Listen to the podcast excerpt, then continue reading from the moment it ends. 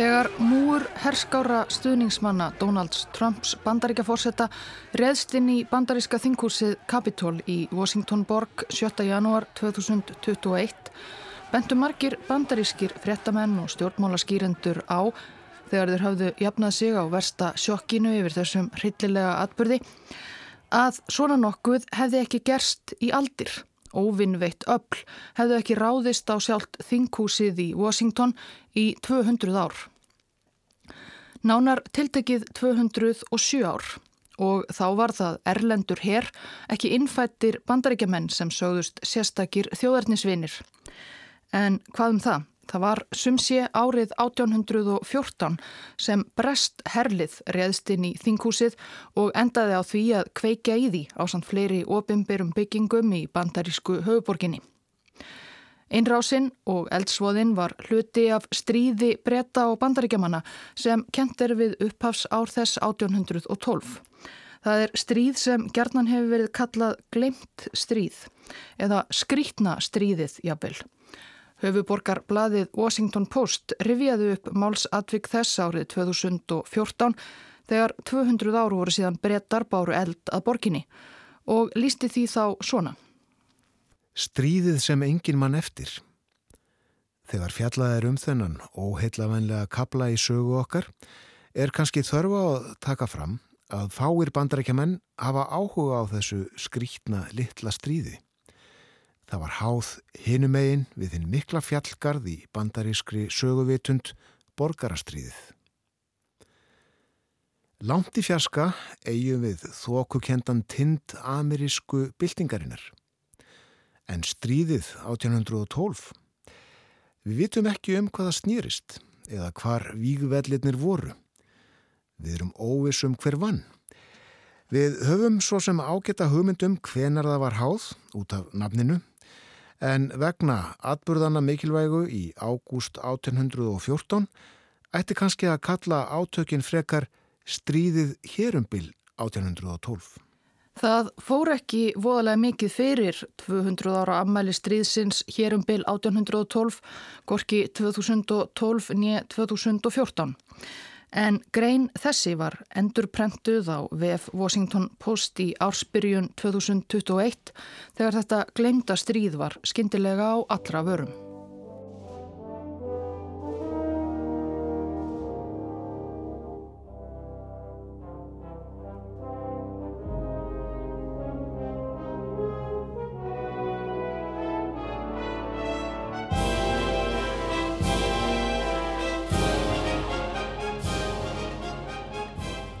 Það er rétt sem bladamæður Washington Post skrifaði að mörg atriði sem tengjast stríðinu 1812 eru loðin í hugum margra begja vegna allansála. Í Breitlandi og í Evrópu líta margir varla á þetta sem eiginlegt stríð, heldur sem bara einn vígvöllin enn og frekar minniháttar í Napoleon styrjöldunum miklu sem tröllriðu Evrópu á fyrstu tveimur áratugum 19. aldar. Í bandaríkunum er hins vegar jafnan litið á stríðið 1812 sem sitt eigið sjálfstæða stríð, ekki hluta af evróskri deilu. Allir eru sammála um að stríðinu hafi lokið formlega í februar 1815, tæpum þremur árum eftir að það hófst. En önnur spurning sem einnig er ekki aðeins eitt samþygt svar við er hver bar sigur úr bítum, brettar eða bandaríkjumenn? Svo undarlega fór að báðar þjóðir litu eiginlega á sig sem sigurvegara átakana.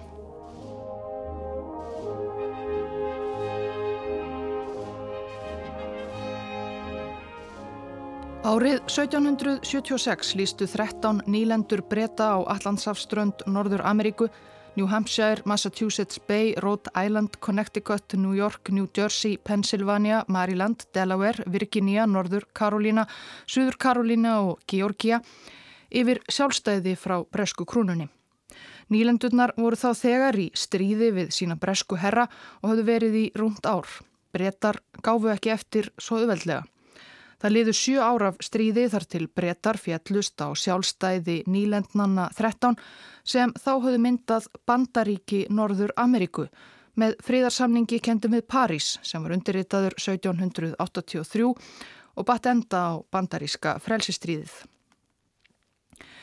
Lausir undan okki bretta gáttu forsvarsmenn hinn að nýju bandaríkja hafist handa við að byggja upp ríkisitt. Stjórnarskar á bandaríkjana tók gildi 1789 og það sama ár varð virkiníu maðurinn sem hafi leitt herabla nýlendnana í frelsistriðinu George Washington, kjörin í æðsta ennbætti landsins, fyrsti fósetti bandaríkjana.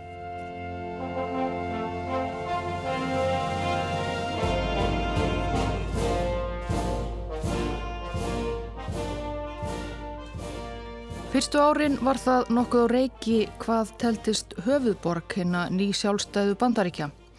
Þegar forsvarsmenn nýlendnana skrifuðu undir sjálfstæðis yfirlýsinguna 1776 þinguðu þeir í Fíladelfíuborg, höfuðborg Pensilvanju og einu elsta þjettbíli í Norður Ameríku. Það var því þar sem fyrstu þing bandaríkjana komið saman í byggingu sem byggða var sem stjórnaráð Pensilvanju og kallast Independence Hall. Þingkald þar var þó ekki alltaf átaka laust. 20. júni 1783, nokkrum vikum eftir formlegan endi frelsistriðsins en næri tveimur árum eftir úrslita orustu bandaríkjamanna og breyta, reðst nokkur hundruð manna múur að þinghúsinu í Fíladelfju. Þetta voru herrmenn sem kröfðust launa fyrir herrþjónustu sína sem þeir hafðu enn ekki fengið og óttuðust að fá aldrei. Til þess að vekja aðtikli á málstað sínum umkringdu þeir þinghúsið og meinuðu þeim sem þar inni voru útgöngu. Fulltrúi New York á þinginu, Alexander Hamilton, tókst að tala hermennina á að hleypa honum og öðrum út að lokum. En í kjölfarið krafðust þingmenn þess að stjórnvöld í Pensilvanju kolluð út varðlið til að tryggja örugt þinghald framvegis. En John Dickinson sem gengdi ennbætti fórsetta Pensilvanju neytaði að verða við því. Hann hafði samúð með málstað Hermannana. Svo að þingmennir sáu sig knúna til að flýja og flytja þingið og þar með eiginlega höfuðborg bandaríkjana. Næstu árin voru landsfeður bandaríkjana á stöðugu flakki og komu saman hér og þar um nýlendurnar gömlu í Princeton í New Jersey, Annapolis í Maryland, Trenton einnig í New Jersey og loks í New Yorkborg 1785. Það var loks 1787 sem menn treystu sér aftur til Fíladelfju þá til að setja saman stjórnaskrána. En þessi treyi yfirvalda í Pensilvaníu til að kalla át herlið að vernda þingið og flakkið sem fyldi gerði það verkum að margir komist á þá skoðun að æðstu stjórnskipunar einingar hinn að saminuðu bandaríkja gætu ekki átt öryggi sitt undir stjórnvöldum í einstakaríkjum. Þing bandaríkjana yrði að geta tryggt eigið öryggi, óháð ráðamönnum í ríkunum. Í fyrstu grein stjórnarskárinar sem rituð var í Fíladelfju, áttunda hluta, segir því að Sambandsþingið hefur vald til að hafa alla lögjöf á hendi í alls konar málum út af landrými því er ekki má stærra vera en tíu fermílur þar sem verða kann aðsetur stjórnar bandaríkjana fyrir afsal einstakra ríkja og viðtöku sambandsþingsins var þannig lagður grunnur að nýri höfuborg sem erði utan lögsögu einstaka sambandsríkis. En hvað er þetta stinga nýri höfuborg niður? Þing bandaríkjana held áfram að koma saman í Fíladelfíu og New Yorkum hríð á meðan landsfeður réður áðum sínum. Að lokum sumarið 1790 varð niðurstaðan að stika út Alríkis hérað, Federal District, begja vegna Potomac árinar á landsbildu sem ríkin Maryland við Norðurbakkan og Virginia við Suðurbakkan afsöluðu sér í hendur Alríkistjórnarinnar. Alríkis héræðið fekk nafnið District of Columbia, Kristófer Kolumbusi til heiðurs, En þegar byrjað var að skipuleggja byggingu hinnar eiginlegu nýju höfuborgar 1791 sem rísaskildi á norður bakka Potomac var ákveðið að nefna hana eftir manni sem enn var í fullu fjöri, fórsetanum Washington.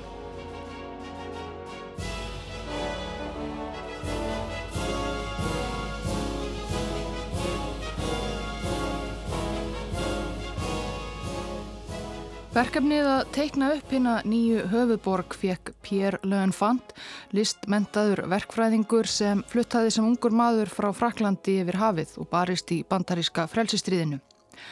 Hann var stórhuga og gerði meðal annars ráð fyrir stærðarinnar þinghúsi á hæð nokkuri Jenkins Hill og mikill í breyðgötu millir þess og húsakina aðsta manns ríkisins, hús Fossetans. Lögun Fant var svo rekin í miðju kafi vegna ágreinings við Washington Fosseta áður en hann komst í að teikna aðal byggingarnar sjálfar, svo emt var til samkeppni um hönnun Beggja 1792.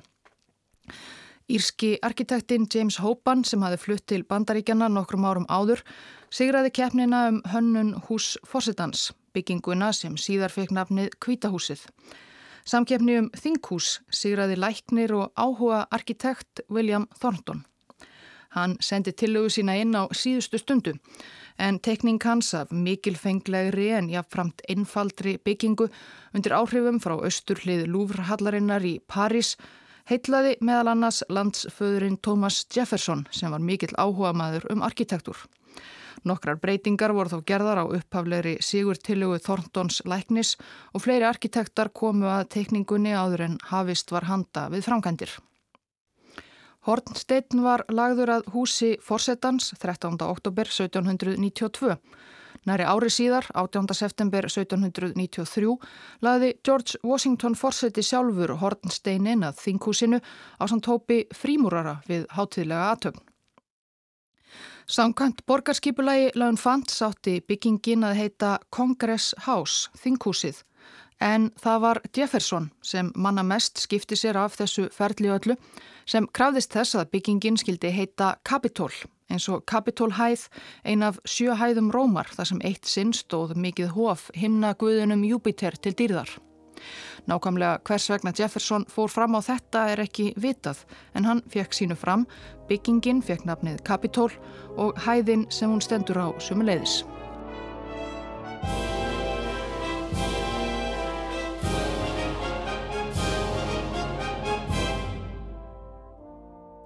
Fíladelfia fekk að heita höfuborg bandaríkjana á meðan verið var að byggja Washingtonborg.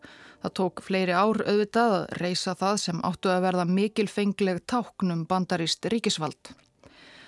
Allt fram á haust árið 1800 þegar borgin tók við hlutverki sínu. 1. november 1800 varð arftæki George Washington, annar fórseti bandaríkjana John Adams, fyrstur til að flytja inn í kvítahúsið sem þá var enn óklárað en íbúðar hæft og almennt kallað Forsetahöllin. Sama dag komu báðar deildir, öldunga og fulltrúa bandaríkja þings saman í fyrsta sinn í Kapitólbyggingunni. Engungu önnur álma þinghúsins var þá tilbúin, norður álman sem átti að tilheyra öldungadeildinni í fullbyggðu húsi. Það var John Adams fósiti sem ítti á það að hefja þingkald í Washington svo snemma þó svo að helstu byggingar varu enn og kláraðar. Þar sem hann taldi það geta gagnast sér í fórsetakostningum sem fóru fram þarna í november 1800. Allt kom þó fyrir ekki í kostningunum laut Adams í lægra haldi fyrir borgarskipulags áhuga manninum sjálfum Thomas Jefferson og hann bjóð því aðeins í örfáar vikur í fórsetahöllinni kvítu. Það var Jefferson sem flutti svo inn í það sem hann kallaði indælis sveitasetur en það var Washington þarna ekki orðin einn einleg borg.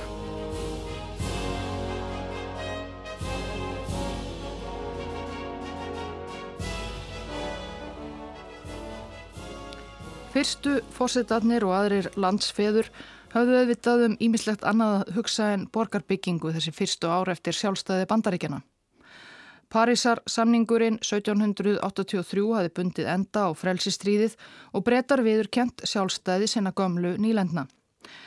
Bandaríkjaman og breytar áttu nú í miklum viðskiptum yfir Allandshafið en það var enn styrt á milli forvíismanna ríkjana.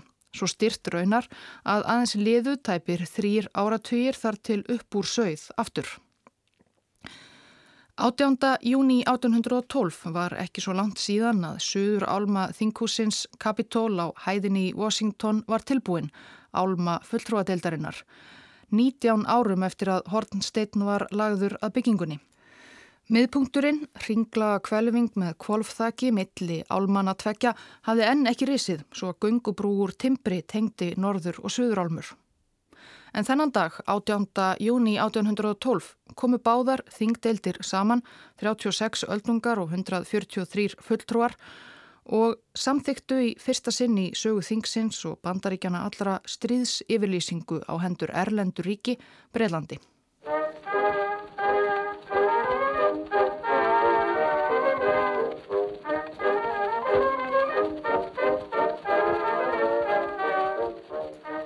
Stríðsyfirlýsingin átti sér langan aðdraganda. Breitland hafði átt í stríði við Frakland sem Napoleon Bonaparte fór með völd frá því um vorið 1803. Stórstyrjöld sem flest ríki Evrópu dróist inn í þegar á leið, annarkvort við hlið Napoleons eða breyta. Bandaríkin voru hlutlaus í styrjöldinni en það svo sem heilt Allandshaf sem skildi þá frá erjum á evróska meginlandinu. Á hafi úti var Breitland óneitanlega mesta stórveldið með langöflugasta sjóher heimsafana. En að manna hinn risa stóra breska flota, 600 skip þegar Napoleon styrjaldirnar stóðu sem hæst, var hægara sagt en gert. Breski sjóherinn þurfti stöðugt meiri mannskap, fleiri vana sjóliða en í raun var hægt að abla á breskir grundu. Til þess að útvega sjóara fór sjóherr hans háttegnar breytakonungs því að stunda það sem kallað var impressment á ennsku eða þvingun og átti sér langa hefði breskri sjóherrmennsku, einfallega að þvinga menn til þjónustu á sjó. Á upphásárum 19. aldar fóru bresk skip að stunda það að stöðufa för bandarískra skipa á hafi úti og leita um borðað breskum þegnum til að pressa, þvinga til þjónustu. Í áhöfnum bandarískra skipa á þessum tíma voru gerðnan margir sem breytar allavega töldu breska þegna. Nýleir innflytjandur, ekki komnir með bandaríska papíra, sjóarar sem hefðu fengið betri díl hjá bandarískum skipstjórum en breskum, liðhlaupar úr breska sjóhörnum og svo framvegis. Breski sjóherrin taldi sig hafa allan rétt á að í raun ræna slíkum mönnum og setja á bresk skip, sama hvað bandaríkja menn reyndu að malda í móin.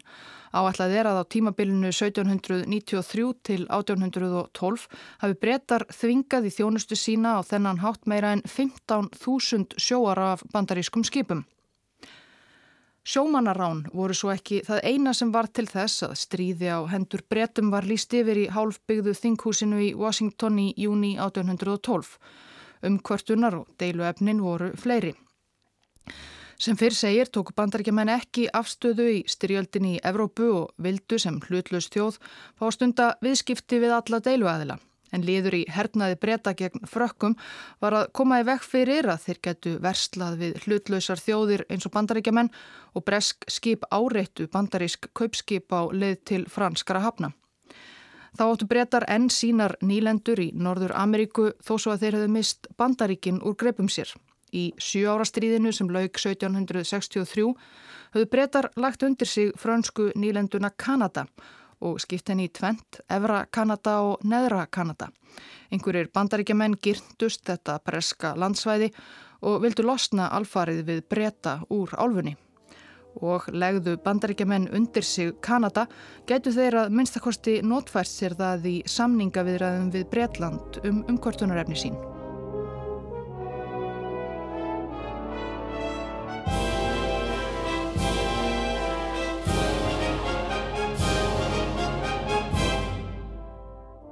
Stríðið byrjaði nokkuð undarlega, eða hægt allavega. Tveimur dögum áður en bandaríska þingið samþykti sína fyrstu stríðs yfirlýsingu hafði nýr fósættisráþur að breyta Liverpool lávarður sem vildi bæta sambandið við gömlu nýlenduna, láti nema úr gildi fyrir skipanir um að uppræta verslun millir bandaríkjana á Fraklands, eina megin ástæðu þess að bandaríkja menn voru yfirleitt í stríðsug. En fréttir voru lengi á leiðinni yfir hafið á þessum tíma og voru varla farnar af stað frá Lundunum þegar James Madison bandaríkjafósetti skrifaði undir stríðsyfirlýsinguna. Í Lundunum fréttur áðamenn heldur ekki af því að þeir varu komnir í N1 stríðið fyrir meira en mánuði síðar, seint í júli 1812. Það var breytum ekki sérlega að skapi þar sem þeir höfðu kappnó með Napoleon og bandamenn hans í Evrópu.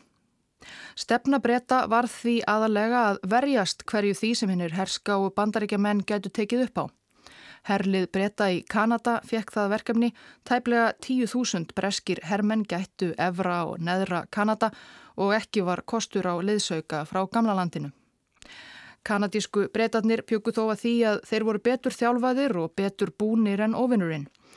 Það verður að teljast ansi mikil bjart síni eða kannski ofdramp hjá hinnum nýju bandaríkjum að lýsa yfir stríði á hendur sjálfu breska heimsveldinu.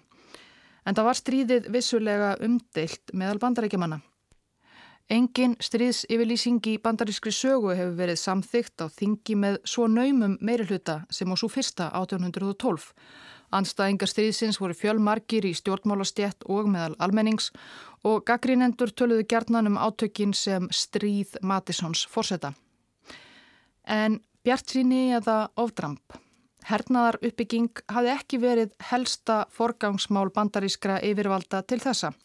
Við upphaf stríðsins 1812 voru því einungisum 12.000 manns í bandaríska alríkishernum, örlítið fleiri en breytanir í Kanada en þaraf varum helmingur þeirra algjörir reynslulöysir nýliðar.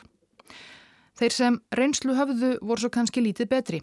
Einn ungur herfóringi sagði um þetta leiti að kollegar hans í herfóringjastjett væru mondrassar, ómagar, hrumir, herramenn og aðrir sem eru ekki hæfir til nokkurs. Sjóherin átti aðeins yfir að skipta 15 sjófærum skipum. John Adams líkti því þeirri lítilfjörlugu sjón við sjóher Puttalands. Og til samanburðar taldi breski herin þarna alls kvart miljón menn en þeir voru auðvitað flestir að berjast við Napoleon. Stefna bandarískra stríðsina var svo að nýtast einnig við her eða varnarlið þau sem einn einstökur ríki höfðu lengi haldið úti, það sem á ennsku er kallað militias. Tugþúsundir landsmanna tilherðu slíkum sveitum, en þær voru þó bara samansapn óbreyttra sjálfbóðaliða, mikið til bændur og verkamenn, menn sem var aðalega umhugað um að vernda sitt nærumkverfi, sín bíli og sínar eigur. Og höfðu yfirleitt afar takmarkaða þjálfun. Mörg varnarliðin hittust að jafnaði aðeins einu sinni á ári til æfinga og það voru þá oft frekar fyllir í en eiginlegar æfingar í vopnaburði og hernaði.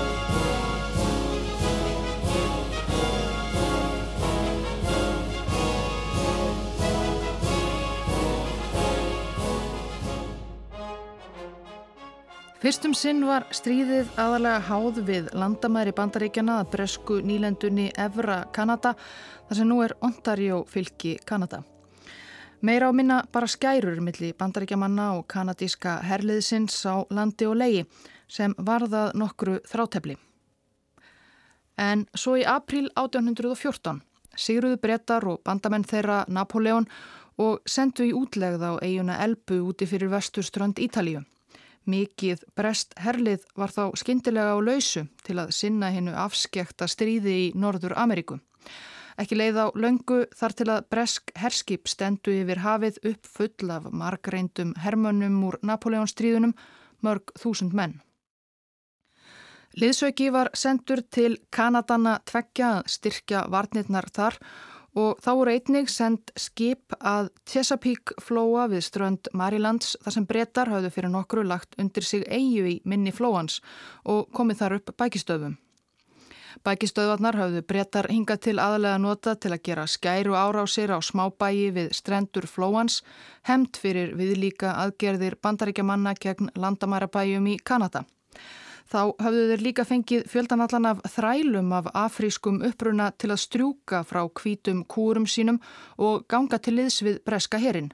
Mörg þúsund þrælar nýttu sér þetta tækifæri og hlutu fyrir þjálfun í hernaði.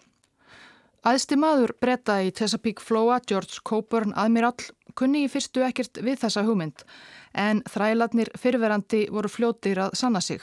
Coburn skrifaði brefi til Breitlands Svertingjarnir eru virkilega hinnir fínustu náungar.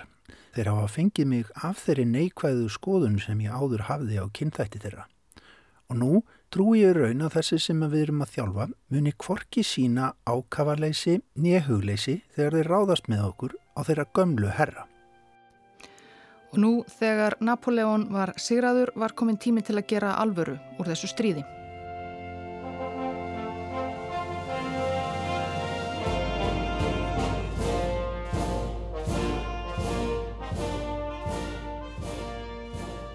Í dögun 17. ágúst 1814 sá varðmaður bandaríska hersins í Point Lookout eftirlit stöð á tanga þar sem árósar Potomac-fljótsins og Chesapeake flói mætast all oknvænlega sjón.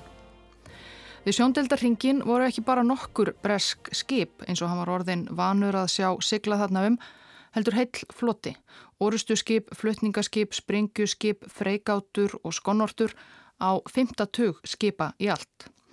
Liðsaukin var komin frá Evrópu. Það var greinilegt að breytar ætluðu sér eitthvað stort og mikið. Varðmaðurinn sendi umsögalust sendi bóða á hesti til Washington um 100 km leið.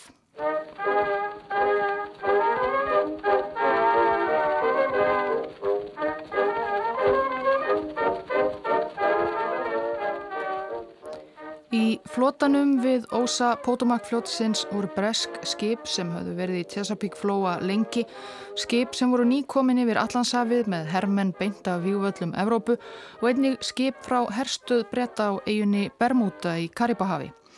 Fyrir Bermuda-liðinu fór skoski vísi aðmýrallin Alexander Cochrane. Mörgum breytum var í nöp við bandaríkjamenn á þessum tíma en Cochrane þessi lagði bókstaflega fæða á þá. Bandarækjamenn voru að hans mati. Bandarækjamenn eru vælandi, sífrandi þjóð eins og spanielhundar. Þeir þurfa á svipaðri meðferð að halda á hundar, það verður að hýða þá til að þeir hægi sér.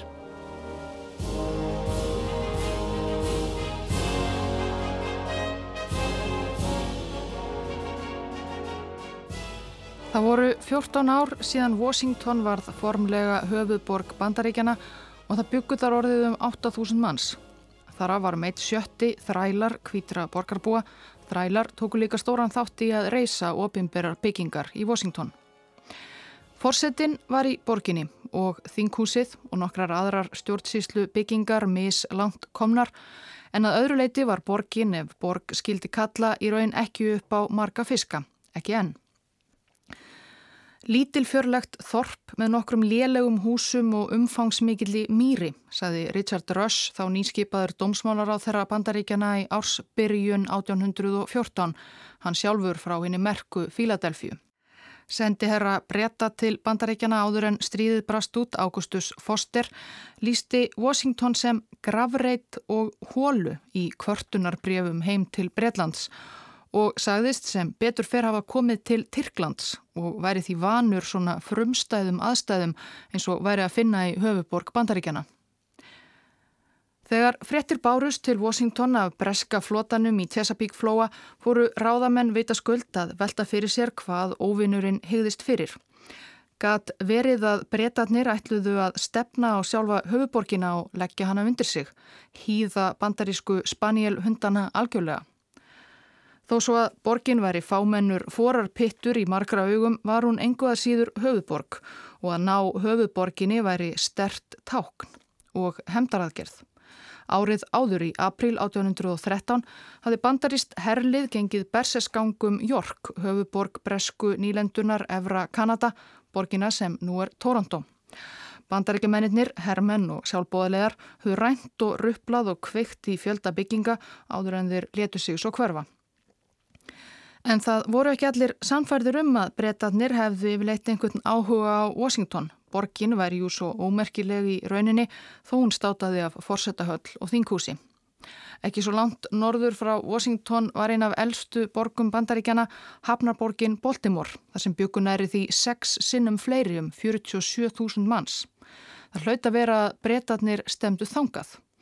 Á fundi nokkru eftir að fréttist að ferðum breska herliðsins hafi John Armstrong, herrmálar á þeirra Mattisson Forsetta, líst yfir á ríkistjórnarfundi í Washington. Það veit Guð að þeir kæmi varla með þvílíkan flota að þess að ætla að ráðast á eitthvað. En þeir koma án Eva ekki hingað. Hvern anskotan ætti þeir að gera hér? Nei, nei, Baltimore er staðurinn, herra Fossetti. Baltimore er svo miklu mikilvægari.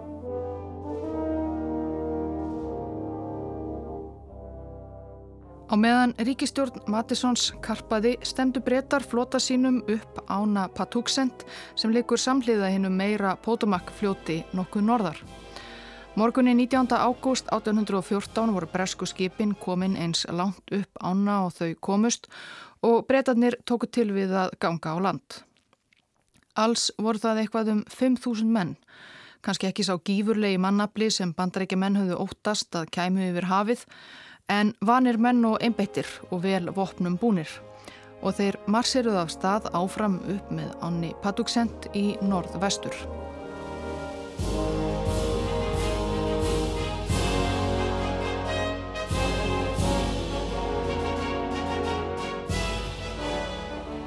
Snemma morguns 24. ágúst 1814 bárust skilaboð á fund herraðsins í Washington. Bretarnir voru að nálgast. Þeir stemdu nú greinilega á Bladensburg, smá bæ aðeins tepa 10 km norðaustur af höfuborginni. Þarna var ekki lengur um að villast, menn eins og John Armstrong hermálar á þeirra höfðu haft rámt fyrir sér og bretarnir voru greinilega með auga á Washington. Allir hröðu sér hitt fyrsta til Bladensburg. Matisson fórseti einnig. Hann flýtti sér raunar svo mikið að hann reið fram hjá Bladensburg og næri því beint í fangið á bretunum en náði að hörfa á síðustu stundu. Breska herliðið var svo komið að bænum um hátægispilið. Bærin var mannlaus, íbúar höfðu flúið. Það sem svo gerðist var á sínum tíma kallað mesta smán bandaríska hersins og skammarlegasti atbyrður í bandarískri sögum þá aðtvíð. Mögulega hefur eitthvað skammarlegra gerst í bandarískri sögu síðan. Til móts við breytana höfðu bandaríkjaman smalað saman nokkur hundruð hermönum og svo nokkurum varðsveitum, flestum þarna frá Maryland, um 5-6.000 manna liði allt í allt. Þetta hefur verið sjónað sjá fyrir breytana svo sundurleitur herr. Sjálfbóðaliðarnir voru sumir í einhvers konar einkennisbúningum, mislitum, sumir grænir og aðrir svartir, aðrir mættu í veiðigölunum, sumir klættir eins og þeir væri að fara í messu, aðrir eins og þeir væri að koma beint af agrinum, sem þeir kannski voru. Þeir voru kannski fleiri en áttu ekki róði þraut þjálfaða breska dáta sem margir höfðu barist undir stjórn sjálfs Wellingtons í Evrópu fyrir ekki svo lengu. Og brettar voru með frumstæðar eldflögar sem flugu logandi í allar áttir á ógnar hraða, svona nokkuð höfðu bandarískir bændasinir aldrei litið og fyltið á skjelvingu. Eftir örfára klukkustunda bardaga flúði hver sjálfbóðasveitin á fætur annari undan bretunum, fyrst þvert á fyrirmæli bandarísku herfóringjana en svo stukku þeir líka á flóta. Bandaríkjaman hörfuðu allir. Matisson fósetti sem fyltist með óskupunum úr örugri fjarlægð mun hafa sagt að honum hefði aldrei dottið í hug að svo mikill munur geti verið á framistöðu reyndra þjálfaðra hermana og sjálfbóðaliða.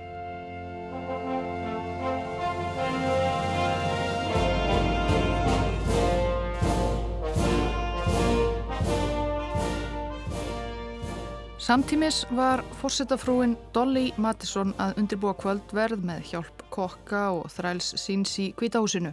Í fjarska heyrðust skottljóð og gnýr í eldflögum bretana í Bladensburg.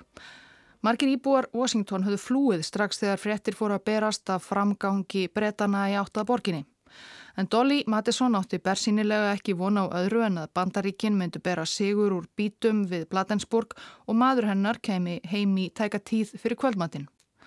En rétt fyrir klukkan þrjú kom sendibóði þeisandi á hesti niður Pennsylvania Avenue að kvítahúsinu. Bandaríska herliðið hafi leist upp flúið og brettar stemdu nú óðum á Washington. Fórsetafrúin er þið að forða sér hið fyrsta. Enga þræll Dolly Madison, Paul Jennings, 15 ára, hafi verið niðri í kjallara að finna til vín og öl fyrir kvöldmatinn en var nú falið að hjálpa til að stapla á hestvagn öllum verðmætum í húsinu sem hendi var á festandi, silfrinu og postilíninu, skjölum, bókum, klukkum, flauelsgardinum. Það var engan tíma að missa. Örfáir kílometrar voru á milli Bladensburg og Washington. Síðasta verk fórsetafrúarinnar var að skipa Jennings og öðrum þjónum sínum að bjarga reysastóru málverki Gilberts Stewarts af fyrsta fórsetanum George Washington sem hjekk í borstofinni. Það var meiri hátar mál því verkið í daginn þekktasta myndin af Washington var 2,5 metri á hæð og ramminn skrúaður fastur við vekkin. Jennings, kokkurinn og annar starfsmæður voru því lengi að baksa við að losa það. Loksins tóksta og hálf fjögur brunaði Dolly Madison með dýrgripi kvítahúsins burt úr höfuborginni í hestvagni með fleiri brottborgurum.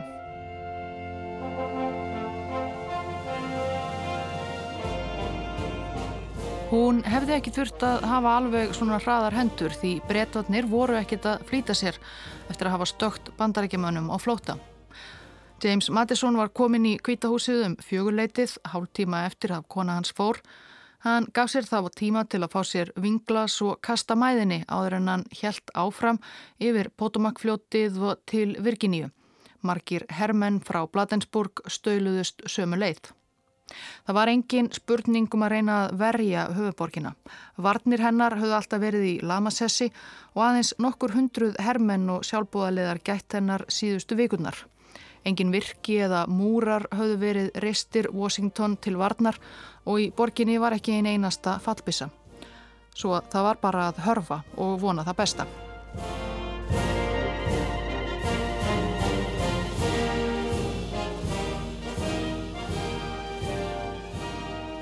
Þegar farið var að kvölda byrtustlokks brettar á breyðgötum Washington. Þetta voru aðstumenn, innrásarliðsins og frekar fáment föruneyti Hermanna. Flestir byðu enn á vígvellinum í Bladensburg en þessir voru komnir með skýrt markmið. Ákveðu hafi verið að láta engar gripdeldir líðast eða skemdarverk á enga eignum borgarbúa. Heldur ætluðu brettar einungis að kjanna þessum óstýrilátu bandaríkjamönnum leksju með því að ráðast á stjórnarhallir þeirra og opimberar byggingar í höfuborginni. Kapitól, þinghúsið á hæðinni, kom mörgum breskum hermunum spánst fyrir sjónir Ókláruð en óumdeilanlega mikilfengleg bygging, jafn glæsilegað innan og hún var að sjá að utan, sem stóð þarna eins og í miðri auðun. Breskir herfóringjar fóru í stutta vettvangsferðum húsakinnin áður en þeir hófust handa. Þeim mætti hvergin einn mótspyrna, það voru flestir farnir. Svo að breytarnir mökuðu bissupúðri á tríaverk í kringum dýr og glukka í þinghúsinu, skrippborð og stóla og báru svo eld að, fyrst í söðurvægnum, þeim nýri og svo í norðurvægnum sem hýsti ekki aðeins öldungadeild Þingsins heldur einnig hæstarétt bandaríkjana og bókasapn Þingsins 3000 fágætar bækur. Þetta bar allt skjótan árangur, eldurinn breytist hratt um og Þinghúsið var fljótt al elda. Ég gleimi aldrei tignarlegri eðileggingu logana þegar við bárum kindlana að sófum og gardinum. Breskur hermaður fyrir utan skrifaði svo síðar. Dátarnir okkar voru eins og listamenn að störfum. Á meðan þinghúsið brann heldu breytarnir í kvítahúsið sem jáfnframt var mannlaust en í borstofinni beð þeirra uppdúkað borð og tilbúin málsverður búið að hella víni í karablur. Breytarnir settust að snæðingi og skáluðu fyrir góðu dagsverki og Matisson fórsetta. Svo endur tókuður leikin og kveiktu í öllu saman. Bjarmin af brennandi borginni sást langar leiðir þessa nótt. Borgarbúi sem varð eftir skrifaði. Aldrei sá ég stássstofu eins skínandi upplýsta og all borgin var þessa nótt. Það kvarlaði að fáum að fara að sofa. Við vörðum nóttinni í að stara á eldana og harma svívirðingu Washington borgar. Næstu tvo daga brendu breytarnir fleiri ofinbyrjar byggingar þar til gerði mikið óveður sem slökti eldana og netti breyta til að hörfa aftur um borði í skipsín. Eldsvoðarnir í Washington í ágúst 1814 eru í dag lang frægasti hluti stríðsins 1812 í bandarískri sögu. En stríðinu var ekki lokið þó svo að brettar hefðu leikið höfuborgina grátt. Næst beindu þeir sjónum sínum vissulega að Baltimore.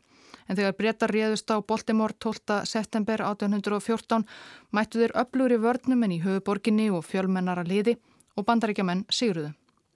Orustanum Baltimore varð Francis Scott Key, lagmanni og ljóðskáldi innblástur að ljóðinu Star Spangled Banner sem í dag er þjóðsöngur bandaríkjana.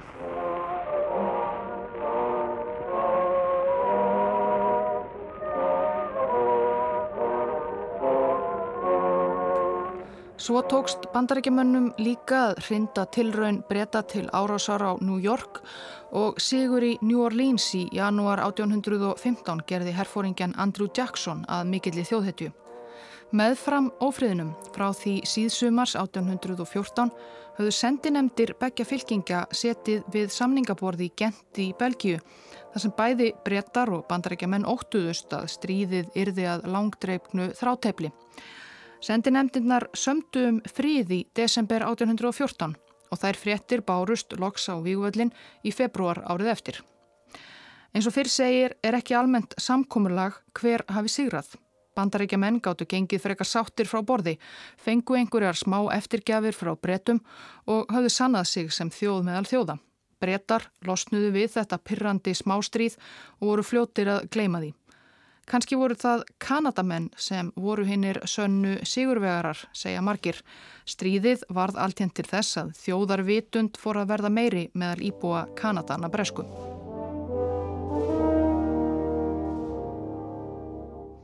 Eitthvað um 2-4 bandarækja menn letu lífið í stríðinu, 1-2 brettar og Kanadamenn.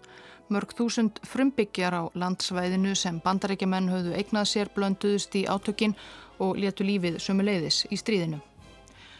Um 4.000 svartir þrælar öðluðist frelsi en breytar fjallust síðar á að greiða eigandum þeirra þrælahöldurunum skadabætur.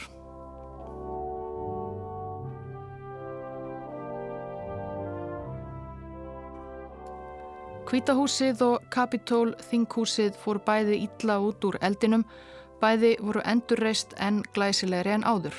Endurbygging þinghúsins tók fimm ár og álmutnar tvær þáloksins tengdar saman í fyrsta sinn.